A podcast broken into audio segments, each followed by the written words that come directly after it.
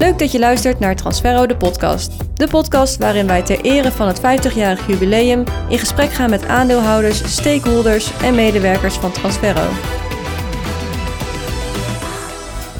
In deze aflevering gaan we in gesprek met Dirk Mulder van de ING Bank. In zijn rol als sectorbanker Trade en Retail zit hij bovenop de laatste trends en ontwikkelingen in onze branche.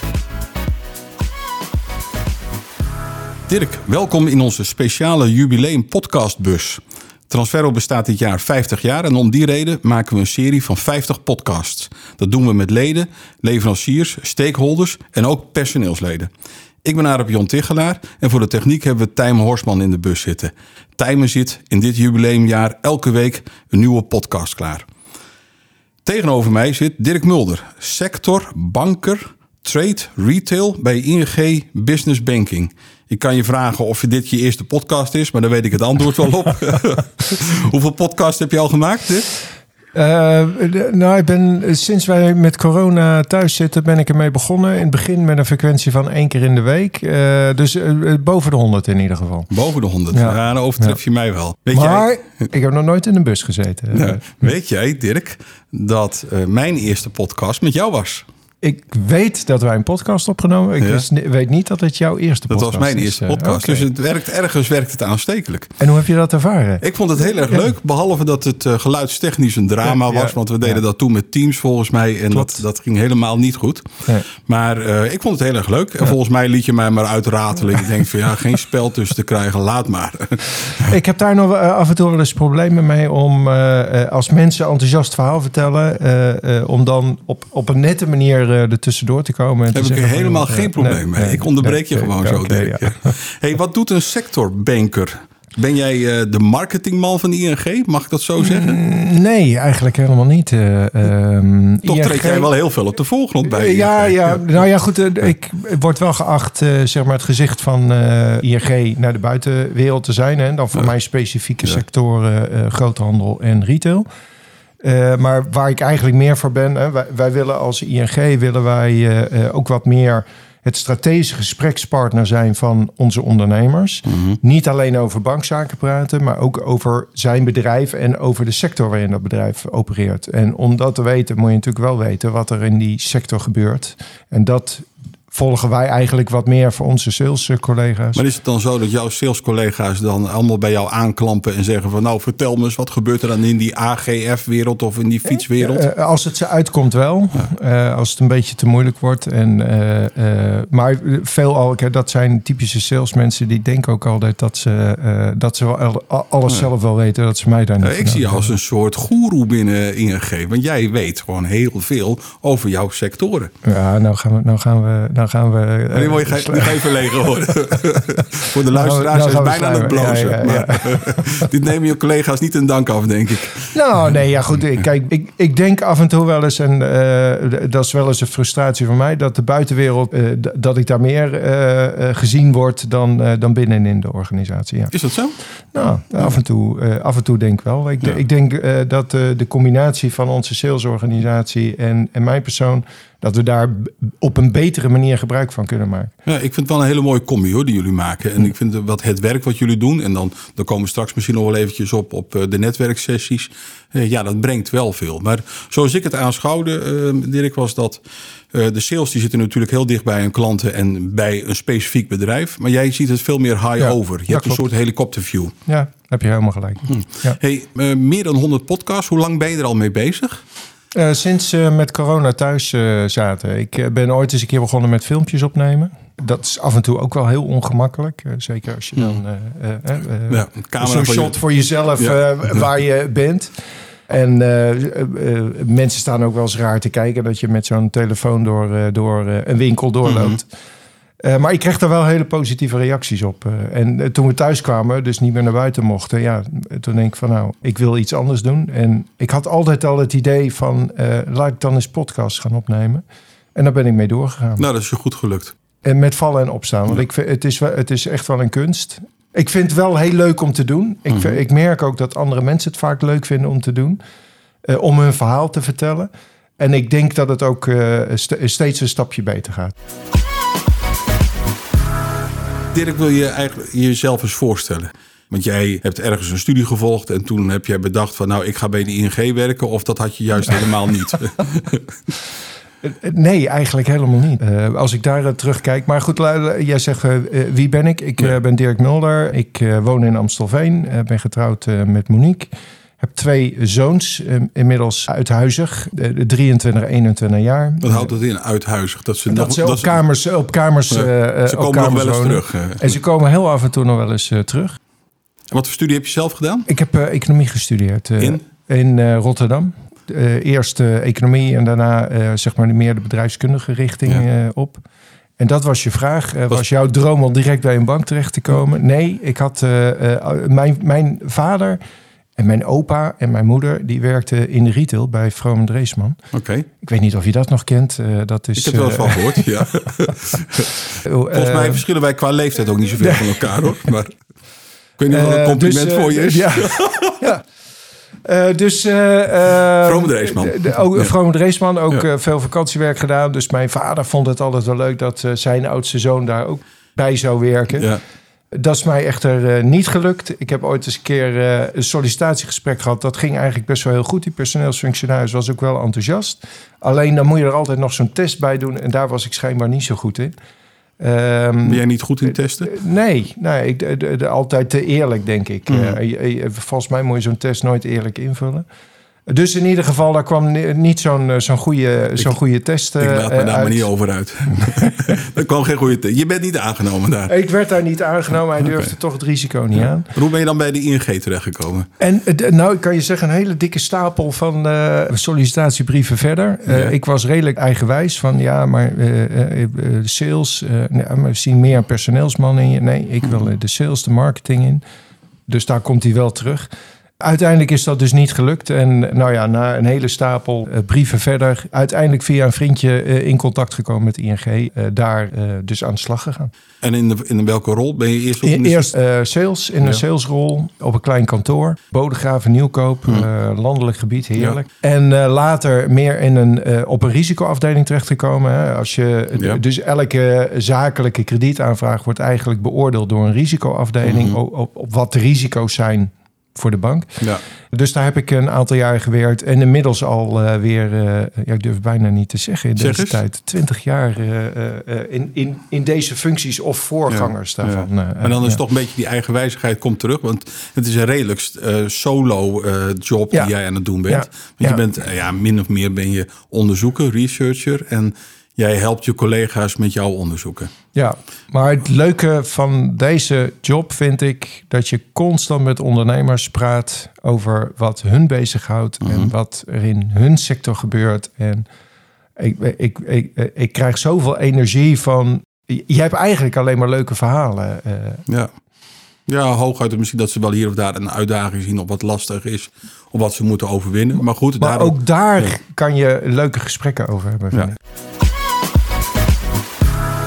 En Dirk, wanneer hebben wij dan eh, elkaar voor het eerst ontmoet? Want dat moet ook zo'n gesprek zijn geweest met zo'n ondernemer. Dat klopt. Eh, We hebben eerder eh, hebben we een podcast opgenomen, maar daarvoor hebben we elkaar, denk ik, op zo'n eh, netwerkbijeenkomst, hè, zo'n sectorbijeenkomst. Ze noemen mij ook altijd wel de man van de feesten in de partij. Oh, ben jij de man die altijd op de tafel staat? Of? Eh, ehm, nee, dat, dat, Of- nou ja, daar heb ik niet een. eh tenminste, daar heb ik geen herinnering meer aan.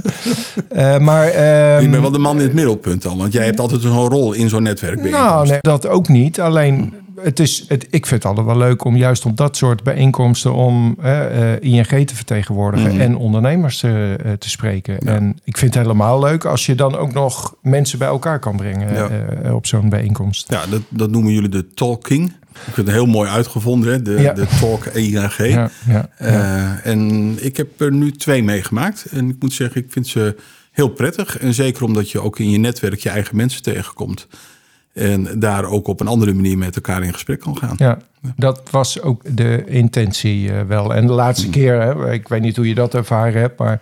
Laatste keer was Ik bij vond je- Transferro. Ja, En, ja, dat weet ja, ik. ja. En, en toen stond je te stralen hier. Het was ook een onwijs mooie, leuke bijeenkomst. eh, Mm. eh, en we zijn hier toen ook ontzettend gastvrij ontvangen. Eh, en inderdaad, wat je zegt, het is, het is juist leuk om mensen bij elkaar te brengen en met elkaar te praten over actuele thema's. Ja. En jij, jij volgt branches, mag ik het zo zeggen, Ja. in, in retail en in eh, de groothandel. Kies je die zelf uit? Dat je denkt, oh, nu ga ik eens over de, eh de groentebranche of over de agrarische branche of over, Nee. nou, ik noem maar wat, potten en pannen. Hoe, Nee. doe, je- hoe doe je dat? Of word je aangestuurd? Eh, ook niet aangestuurd. Ehm, eh, wat ik eerder zei, eh, retail en eh, groothandel. Eh, retail is redelijk af te bakenen in, in redelijk grote groepen. Food, non-food? nou, je hebt food, non-food. Eh, maar je hebt fashion. Fashion is dan schoenen, Ja. kleding. En, maar die kan ook ju- ju- juwelen er nog bij hebben. Sports? Sport, eh, eh, nou, eh, je hebt living, dat is doe het zelf wonen en Ja. warenhuizen meer. Nou, zo kan je retail kan je redelijk afkaderen. Ja. Groothandel vind ik zelf wat diverser. De- het zijn wat kleinere clusters. En we hebben in het begin hebben we eigenlijk gezegd van ja, je kan naar afnemers kijken, industrie, retail, Ja. bouw, noem maar op. Maar je, daarbinnen kan je ook weer naar bepaalde clusters kijken. En we hebben daar dus een aantal sectoren hebben we geïdentificeerd. En toen hebben we gekeken, oké, welke zijn dan redelijk groot? Welke hebben een, eh, eh, een bepaalde omvang? En welke zijn interessant qua ontwikkeling, maatschappelijke ontwikkeling of qua economische ontwikkeling? eh. En een maatschappelijke ontwikkeling is bijvoorbeeld duurzaamheid. Want ik zag van jou een artikel, het kan ook wel een podcast geweest zijn over refurbishen en over opnieuw materiaal gaan gebruiken. Klopt. Ja. Nou ja, kijk, eh, eh, ik denk als je even puur naar de groothandel kijkt, dat er een aantal thema's heel hot zijn eh, op dit moment. als digitalisering, technologie. Eh, data zit daar, zit daar Data, ook bij. ja. Supply chain, eh, duurzaamheid en, en personeel. En Hmm. eh, ja, Dan heb je een insteek vanuit die hoek. Dan maakt het niet uit welke groothandel er aan gekoppeld is.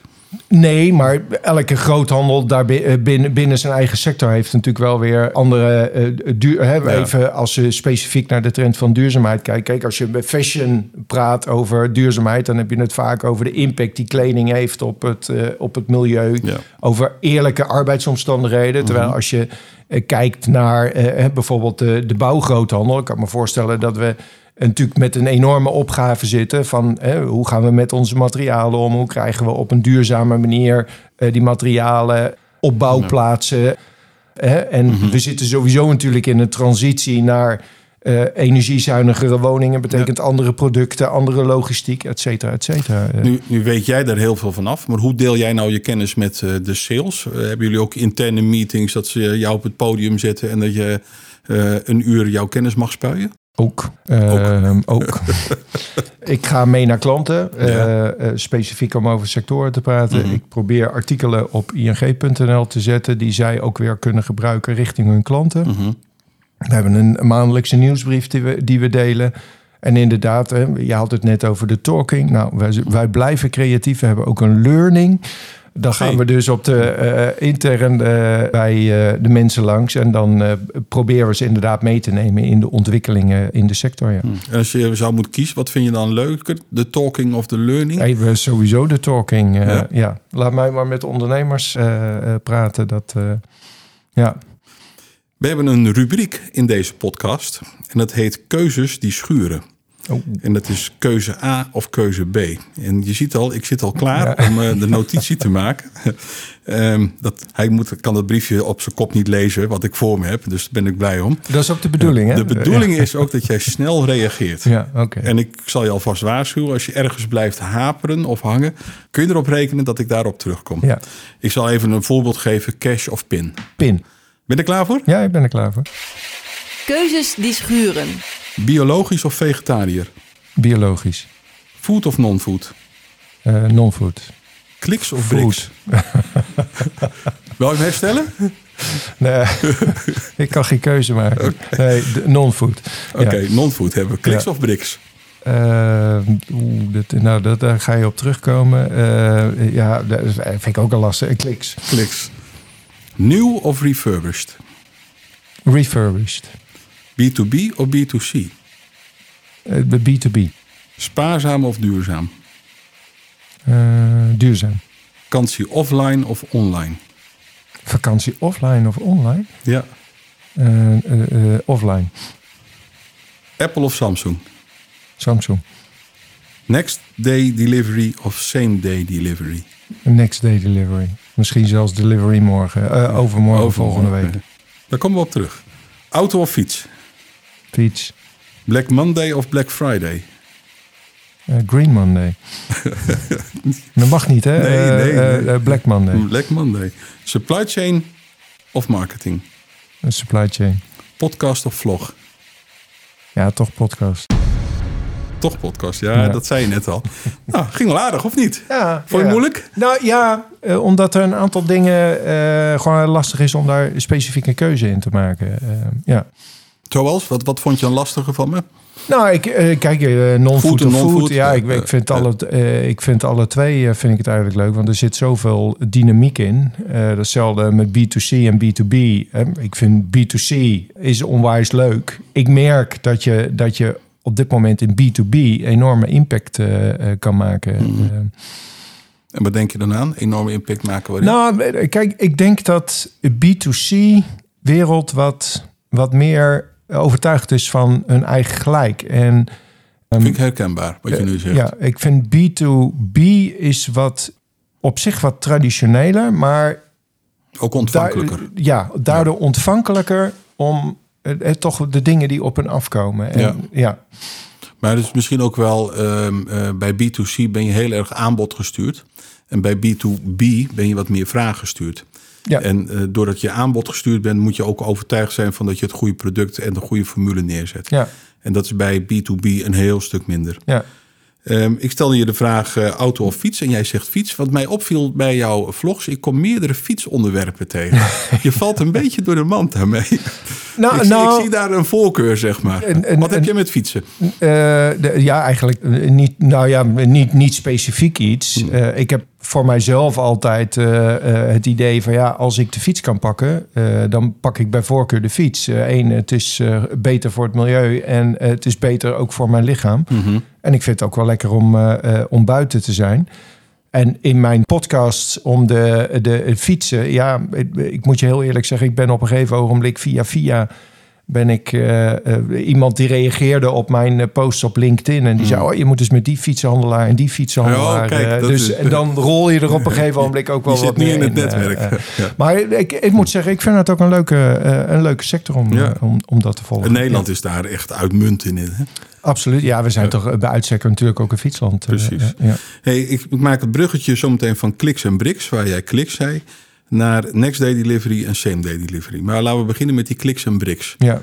Nou ja, goed. Kijk, ik, eh, eh, dat klinkt misschien heel erg raar, want ik eh, volg al heel lang eh, de retail en ik vind het heerlijk om over winkels te praten en in winkels rond te lopen. Maar ik vind winkelen vind ik eigenlijk heel verschrikkelijk. En, eh, Dus je bent zelf een online koper. ik ben zelf vaak toch wel een online koper. Heeft er ook mee te maken dat als ik ergens in de winkel zit, dat ik nooit de keuze kan maken. Dan, eh, dan denk ik, ja, Oh, is, vandaar is dat die rubriek zo lastig was voor je. Ik kan me nog herinneren vanuit mijn jeugd dat ik een keer... eh, eh, de- de- toen ging ik met een huisgenootje ging ik bij de Bijenkorf een overhemd kopen. En toen stond ik bij de kassa met een overhemd. want Ik moest zo nodig wat kopen. En toen, toen kwam hij naar me toe. Hij zei, ja, weet je wel zeker dat dat je goede maat is? Want volgens mij, eh die hebt maat 7, zit met 37 in je hand. En volgens mij heb jij geen eh 37. eh. Dat ik echt denk, oh ja, wacht even, daar had ik niet eens op gelet. eh. Dus ik, ik eh, nee, winkelen is voor mij niet, niet een genot. Nogmaals, winkels wel. Eh, en dan vind ik de, eff- de efficiëntie van, van online vind ik wel, eh, eh, ja, spreekt mij heel erg aan. Zie jij een soort volwassenwording in online? Nou, het mag van mij nog wel eens een stukje sneller gaan. Eh, kijk, ik, eh, eh, laat ik zo zeggen. dat, ik, dat, ik- dat schuurt met eh, dat jij zegt next day delivery en same day Ja, delivery. nou ja, kijk, Sneller, hè? daarin vind ik... Eh, ik het, uitgangs, het uitgangspunt van online is dat als ik iets bestel... dat ik het ook de volgende dag in huis wil hebben. Ja. Dat hebben ze mij nooit gevraagd. Nee, dat is raar is dat, hè? Ja, en soms dan denk ik van nou, weet je... als het voor het milieu beter is of voor jouw businessmodel beter is... Ja. dat ik het best overmorgen of misschien zelfs... Hè, nou, volgende week is misschien wel heel ver weg. Niet altijd, maar Jij weet dat binnen Transferro ehm Fixami, gereedschapscentrum.nl, ja, de grootste tools online specialisten, met name voor B2B, bij Transferro zijn aangesloten. Die hebben we ook in de podcast gehad. En daar hebben we de vraag gesteld, waarom niet eh, overmorgen? Waarom maak je geen keuze naar donderdag of vrijdag of zaterdag leveren? En wat zeiden ze? Ja, dat model moest nog ingericht worden. Ze konden het wel, maar het moest nog ingericht worden. En ik mis dat zo erg bij. Internetbedrijven die alleen maar op next day focussen. En dan allemaal voor 23 uur 59 besteld of voor 10 uur besteld. En je hebt dan de volgende dag. Maar dat komt me helemaal niet uit de volgende dag. Nee. En de praktijk is dan dat deze online koper de volgende dag dan maar achter zijn computer gaat zitten en het gaat bestellen. Als je inmiddels al niet, eh, want de volgende dag ben je misschien druk en dan eh, ja, Ja. vergeet je het misschien wel. Of, of, eh, elders laat afleveren. elders, en, ja. Ja. en ik zou je vertellen, ik laat vandaag wat afleveren. En dat heb, laat ik dan op het werkadres van mijn vrouw afleveren. En toen kreeg ik, vandaag kreeg ik de track en trace door. En dan werd het tussen 20 uur 50 en 21 uur 15 afgeleverd. Dus dat gaat weer, dat gaat weer fout. Ja, ik zie je lachen. Het is echt een, ja, ik vind het, dat volwassenen worden, Ja. dat, moet, dat moet nog Ja. komen. Ja, ja, en dat begint nu wel te komen. Hè, want, Hiermee eh, zeg ik geen kwaad woord over Nee, nee, nee, nee. Nou, nee, nee, maar kijk, ik, ik merk wel overigens hè, dat B2B e-commerce, eh, dat daar nog wel een, een enorme groei in zit. eh, Mhm.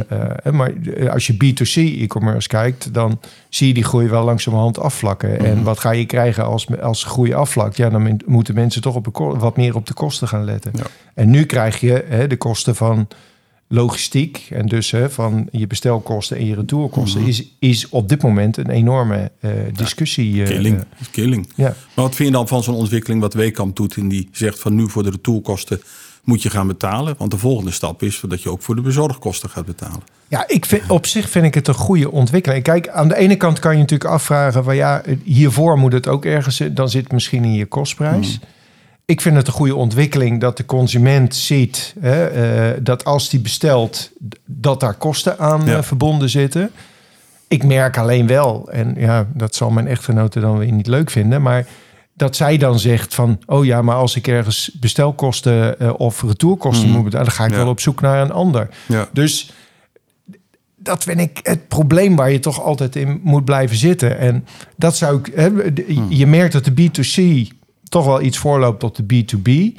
Dus ik zou eigenlijk de B2B willen oproepen van joh, sla dat over en begin direct met Onze logistiek en. Ja. eh, retourkosten te rekenen. Dan ga je de consumenten ook niet aan laten wennen. Of de consumenten je afnemer er niet aan laten wennen. Ik weet even niet in welke setting het was. Het was volgens mij niet in een podcast die ik met een ondernemer had. Maar ik had, onlangs had ik een gesprek met een ondernemer die zegt van... ik merk dat ze helemaal tot aan het eind, tot aan de eh, kassa... waarbij ze zien wat ze moeten afrekenen voor het materiaal... en dan ook nog de vrachtkosten eroverheen kregen... dat ze dan afhaakten. Ja. En, het, en het was ontzettend veel. Ja. Bijna 9 op de 10 of zo, die haakten dan op dat moment haakten ze af. En dan alleen dus op de, de, de, de, vrachtkosten. Ja, dat was de aanname dat het dan zou zijn op de vrachtkosten. Want je gaat helemaal door het hele aankoopproces Ja. ga je doorheen. En dan kom je op je afrekenpagina en dan zie je nog opeens dat je zoveel vrachtkosten hebt. Ja, ja, maar ja, goed. eh, Wij zijn eigenlijk wat dat betreft ook bizar. Hè? Eh, ja, maar zo zijn we opgevoed. Dit, dit is het inmiddels. De- Zo, zo werkt het. Ja. Nu ehm, spreek jij veel met ondernemers. Wat mij wel eens wordt gevraagd van... hoeveel denk je dat er online gedaan wordt hè, in, onze, in onze branche? Ja, ik kan er eigenlijk heel weinig zinnigs over zeggen. Maar wat denk je, waar zit, waar zitten de max aan? Ik bedoel, kun je bij groothandels zeggen van... nou, dat zit ergens bij 10, 20 of 50 procent dat het online gaat lopen? Het lastige daarin is, je hebt, wat ik in het begin zei, je hebt natuurlijk heel veel verschillende soorten groothandels. Hè? Dus ik, ik, ik kan mij voorstellen dat eh, eh, eh, consumer goods, hè, dat dat iets sneller gaat. En dan is ook nog eens een keer de vraag hè, bij consumer goods.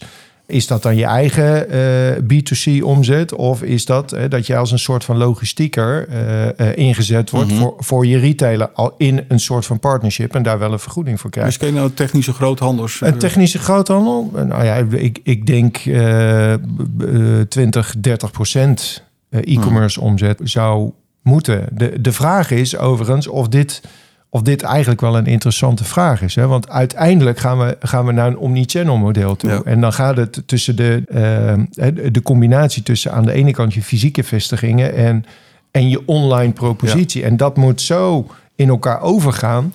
Dat ik denk, het moet voor de, voor de afnemer niet uitmaken of Mm. die de ene keer, hè, eh, of, of die de ene keer op de webshops, eh, Ja. in de webshop zit en de andere keer in de fysieke eh, eh, winkel. Vind ik een mooie benadering van je.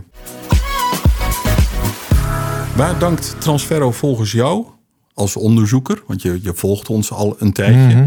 haar succes aan? Zoals ik het ervaren heb, ik zei in het begin, misschien niet heel aardig, maar het is toch een, een, wat traditionele sector. Ja. Dus hè, dat hoor ik mensen ook wel zeggen: van ja, wij volgen de markt, maar lopen er iets achteraan. En wat ik vind dat jullie heel erg goed doen, en hè, eh, nogmaals, eh, onze eerste bijeenkomst kan ik me ook nog wel herinneren. Dat ging toen over e-commerce. Dat jij een van de eerste was die zei van ja, maar daar moeten we mee aan de slag. Hè, waar de rest nog, hè, ja, ja, we zien wel dat er wat gebeurt. En ik vind dat jullie daar als organisatie vaak wel een voortouw innemen, voor, in voorop lopen. Hè? Eh, eh, op het gebied van, van duurzaamheid, eh, eh, op het gebied van e-commerce. Misschien Data hebben we nog eens een keer een discussie Data, ook over gehad. Absoluut. Ja. Dus ehm, supply chain, daar zijn jullie natuurlijk ook natuurlijk actief ja. mee, mee, mee bezig geweest als gevolg van corona. Daarnaast, wat ik prettig vind, is dat jullie dat je heel open bent. Mhm. Hè? Even, en ik zie jou dan even als, als het gezicht hè, van, eh, van Transferro.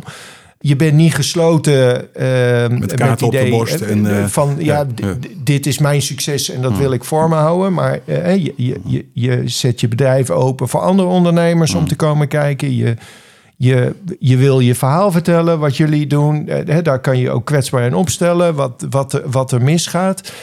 En ik denk dat dat, hè, dat werkt door je hele organisatie. Als, als jij dat hebt, dan merken mensen om je heen merken dat ook. Mhm. Dan merken klanten dat, leveranciers dat. En dat werkt gewoon. Ja. En ik denk dat die nieuwe economie, hè, met, met de nieuwe generatie die daar aankomt, ja, die richting bewegen we op. Ja, de, het makkelijke van Transferro, het zit ook in een beetje in het woord, is transparantie. Wij kunnen heel transparant met onze, eh, onze leden, met onze aandeelhouders, met onze klanten omgaan. Maar ik heb ook niet zoveel belemmering om dat met onze leveranciers te delen. Want als je met je leveranciers open kaart speelt en je zegt van joh, dit kan ik wel en dit kan ik niet. En wat kunnen we vooral samen? En hoe kunnen we dan elkaar samen aanvullen? Dan heb je een, eh, denk ik wel, een goed model te pakken. En dat succes moet je ook met elkaar samen maken en dan vervolgens ook samen vieren. Maar Arab John, jij, jij straalt dat uit. Maar hoeveel, hè, zel- zelfs andere inkooporganisaties binnen je eigen sector, hoe, hoe hè, niet iedereen die is zo eh, open, Nee, transparant. Ik denk eh, dat, dat, een, eh, dat juist dat, dat onderscheid, tegenwoordig zeggen ze polariserend, maar het, juist dat onderscheid eh, maakt eh, Transferro zo, zo zichtbaar en zo, eh, eh, zo aantrekkelijk voor heel veel anderen om zich bij Transferro aan te sluiten. Ja. Eh, we hebben een keer eh, de meting gedaan hoeveel nieuwe bedrijven zich hebben aangesloten in de afgelopen zoveel jaar. Nou, wij schrokken er zelf van. Ze van, jongen, we zijn een hele jonge, dynamische orga- Ja. organisatie aan het worden. Maar ook, ook hè, wat jullie hier met deze, hè, met die, met de- die podcast in, in die bus. Ja, Ja, het, hè, je denkt op een gegeven moment na van... goh, we zijn 15 jaar, we willen iets unieks doen. Maar je, je hebt wel de creativiteit om dan met iets te komen... en dan met die bus rond te rijden en dan mensen te interviewen. Ja, ik heb Ja. dat nog niet eerder gezien. Dus dat, dat zegt ook wel iets. Hè. Niet altijd in dat traditionele eh keurlijf zitten... maar daar is uittreden en is nou, iets, gewoon iets geks doen. nou, maar dat komt ook. We hebben het voordeel dat we veel jonge mensen in de organisatie hebben. Dus Tijmen zit lekker in de bus. Die vindt het wel helemaal fantastisch. Want hij is een van die jongelingen die dat dan ook een beetje zit aan te moedigen binnen de organisatie. En laten we dat vooral anders doen. Want we zijn natuurlijk met zoveel jaar ervaring ben je gewend om heel veel zaken zo te doen. Maar ik denk dat het ook meer naar buiten kijken is, naar buiten gericht zijn. En zien wat gebeurt er in de wereld en wat kom je tegen en hoe kunnen we daarop aansluiten. Overigens, die podcast, dat was ook het idee van moeten we nou de hele organisatie weer op zijn kop gaan zetten. En toen hebben we gezegd, weet je wat, we houden het klein. We gaan heel veel naar onze leden toe en onze leveranciers. Dat zijn onze stakeholders. En is ING natuurlijk ook voor onze stakeholder. En dan gaan we daarmee in gesprek. En dat, dan heb je het kleine kringetje waar het eigenlijk om draait. Want de hele grote boze buitenwereld die heeft niks met Transferro. Die, eh, ja, die bestaan wij helemaal niet. Nee. Ze kennen ons ook niet. Nee. Maar in dat kleine kringetje wilden we wel zeg maar, ons laten, eh, laten horen. En wat we dan doen. Ja, maar je, je noemde nog iets anders, wat denk ik ook wel hè, dan, dan bij jullie erin zit. Kijk, ik denk dat je jonge mensen ook in hun kracht moet zetten. En als je ze in hun kracht zet, hè, dan, dan, dan krijgen ze energie uit. Mhm. En dat betekent hè, soms is dingen doen buiten hun normale werkzaamheden. Waar je ze wel hè, de, de mogelijkheid geeft om te doen wat ze leuk vinden en waar ze sterk in Ja, zijn. ik ben dol op ideeën, dus eh, le- kom maar op. Nu nog eh, eh, een, mijn laatste vraag misschien wel, maar het, eh, ik vind het altijd leuk om met jou te praten, Dirk. Eh Transferro bestaat eh, 50 jaar. De komende 50 jaar, ja, er gaat natuurlijk heel veel veranderen. Maar wat zou jij ons mee willen geven de komende vijf jaar? Wat zou je zeggen van nou, let daarop of kijk daarnaar? Nou, wa- wat ik in het begin al aangaf, er komen natuurlijk onwijs veel uitdagingen komen op de, op de sector af. Eh, we hebben het gehad over duurzaamheid, we hebben het gehad over eh, personeelstekort, we hebben het gehad over eh, digitalisering, we hebben het gehad over supply chain. Eh, en om op die ontwikkelingen in te spelen, zul je een bepaalde flexibiliteit in je organisatie moeten hebben. Heb je al eens verteld hoe we dat met personeel doen? Nou ja, dat is het tweede punt. Hè, eh, Dat, je, dat je personeel, je kracht van je personeel, daar ook in heel belangrijk is. Maar Nou, eh, ik heb je kennelijk niet verteld. We, hebben op een gegeven moment een hele andere benadering gekozen als het gaat om personeel. En hebben gezegd, zeg maar wanneer jij wil werken. Dus je kunt wel heel erg afgebakend gaan zeggen van tussen acht en vijf. Maar je zou ook kunnen zeggen van nou ja, als jij het fijner vindt om tussen half acht en, eh, en half één... en de volgende dag tussen twee en zes eh, te werken, prima. Kreeg, vandaag kreeg ik zelfs nog de vraag... eh, kunnen wij eh, remote working eh, doen Ja. hier, hier invoeren in het bedrijf? Nou, dan denk ik, hé, dat is wel leuk. Misschien moeten we dat wel gaan oppakken. Dus als je het op een wat, ja, ik wil niet zeggen modernere manier... maar wel op een andere manier aanpakt... heb je opeens wel een aantrekkingsfactor... Dat klopt. Die, die sterker is dan bij andere bedrijven. Dat klopt, maar dat vraagt wel wat van hè, managers in een organisatie. Want je zult meer op output moeten gaan sturen. Want je hebt je mensen niet meer Ja. Constant onder je. eh, eh, dus je zult duidelijk met elkaar eh, doelen moeten stellen. En, en die periodiek met elkaar bespreken. Mhm. En daar dan met elkaar kijken, oké, wat is de voortgang? Waar loop je tegenaan? Et cetera, Ja. et cetera. Ja, ik vind het een, een, een voordeel van, en dat hebben we natuurlijk met corona meegemaakt. Een voordeel is dat je bij elkaar bent. Dus niet met remote workers bezig bent of met thuiswerkers. Ehm, is dat je elkaar kan inspireren en elkaar kan verbeteren. En elkaar kan versterken. En dat is het fijne als je met elkaar bent. Klopt. En vandaar dat we ook zagen dat de mensen vanuit met z'n tweeën op een kantoor opeens weer met z'n twaalf op een kantoor zaten. En dat je elkaar ook kan eh, beïnvloeden. Maar eh, aan de andere kant denk ik wel dat je de flexibiliteit moet hebben om mensen ook de ruimte te geven. Ook om hun privéleven goed in te kunnen delen. Want het, het is best wel lastig allemaal. En als je, eh, zeker als je met z'n tweeën moet werken, in- met, eh, met gezinnen, ja, dan moet je er ook wel wat flexibel in zijn. We hebben toen met coronatijd eh een werknemster gehad. Als haar man, die was monteur, als die weer thuis was om vier uur, ging zij smiddag Mhm. Ja. ging zij naar de Ja. zaak toe. Ja. Nou, fantastisch als je dat zo met elkaar kunt Ja, organiseren. absoluut. Dus eh, thema's, eh, duurzaamheid, ehm, eh, ehm, deze, De- nou ja, eh, technologie, eh, digitalisering, eh, supply chain en personeel. En ja, ik, ik denk dat je als organisatie gewoon... Je, je hoeft niet voorop te lopen, maar zorg wel in ieder geval dat je, dat je weet wat er speelt, wat er, wat, wat, er, wat er aankomt. En zorg dat je voldoende flexibiliteit in je, in je organisatie hebt om tijdig in te kunnen, eh, te kunnen spelen. Hè, En dan denk ik inderdaad, dat is het tweede ding, behalve de flexibiliteit, zorg je dat je de juiste mensen hebt en dat je die op een of andere manier aan de ene kant weet te binden, maar hè, dus ook eh, voldoende ruimte geeft om daarmee aan de slag te kunnen. Nou, dan sluit ik af. En een juiste bankier, want het moet, ook, het moet ook nog allemaal gefinancierd worden. Dankjewel Dirk voor dit leuke gesprek weer met jou. Dank je, graag gedaan. Ik vond het ook leuk, eh, John. Dank voor de uitnodiging. Je luisterde naar Transferro de podcast. Gepresenteerd door Adap John Tigelaar en geproduceerd door Tijmen Horstman. Wil je reageren op de podcast? Stuur dan een mailtje naar marketing.transferro.com.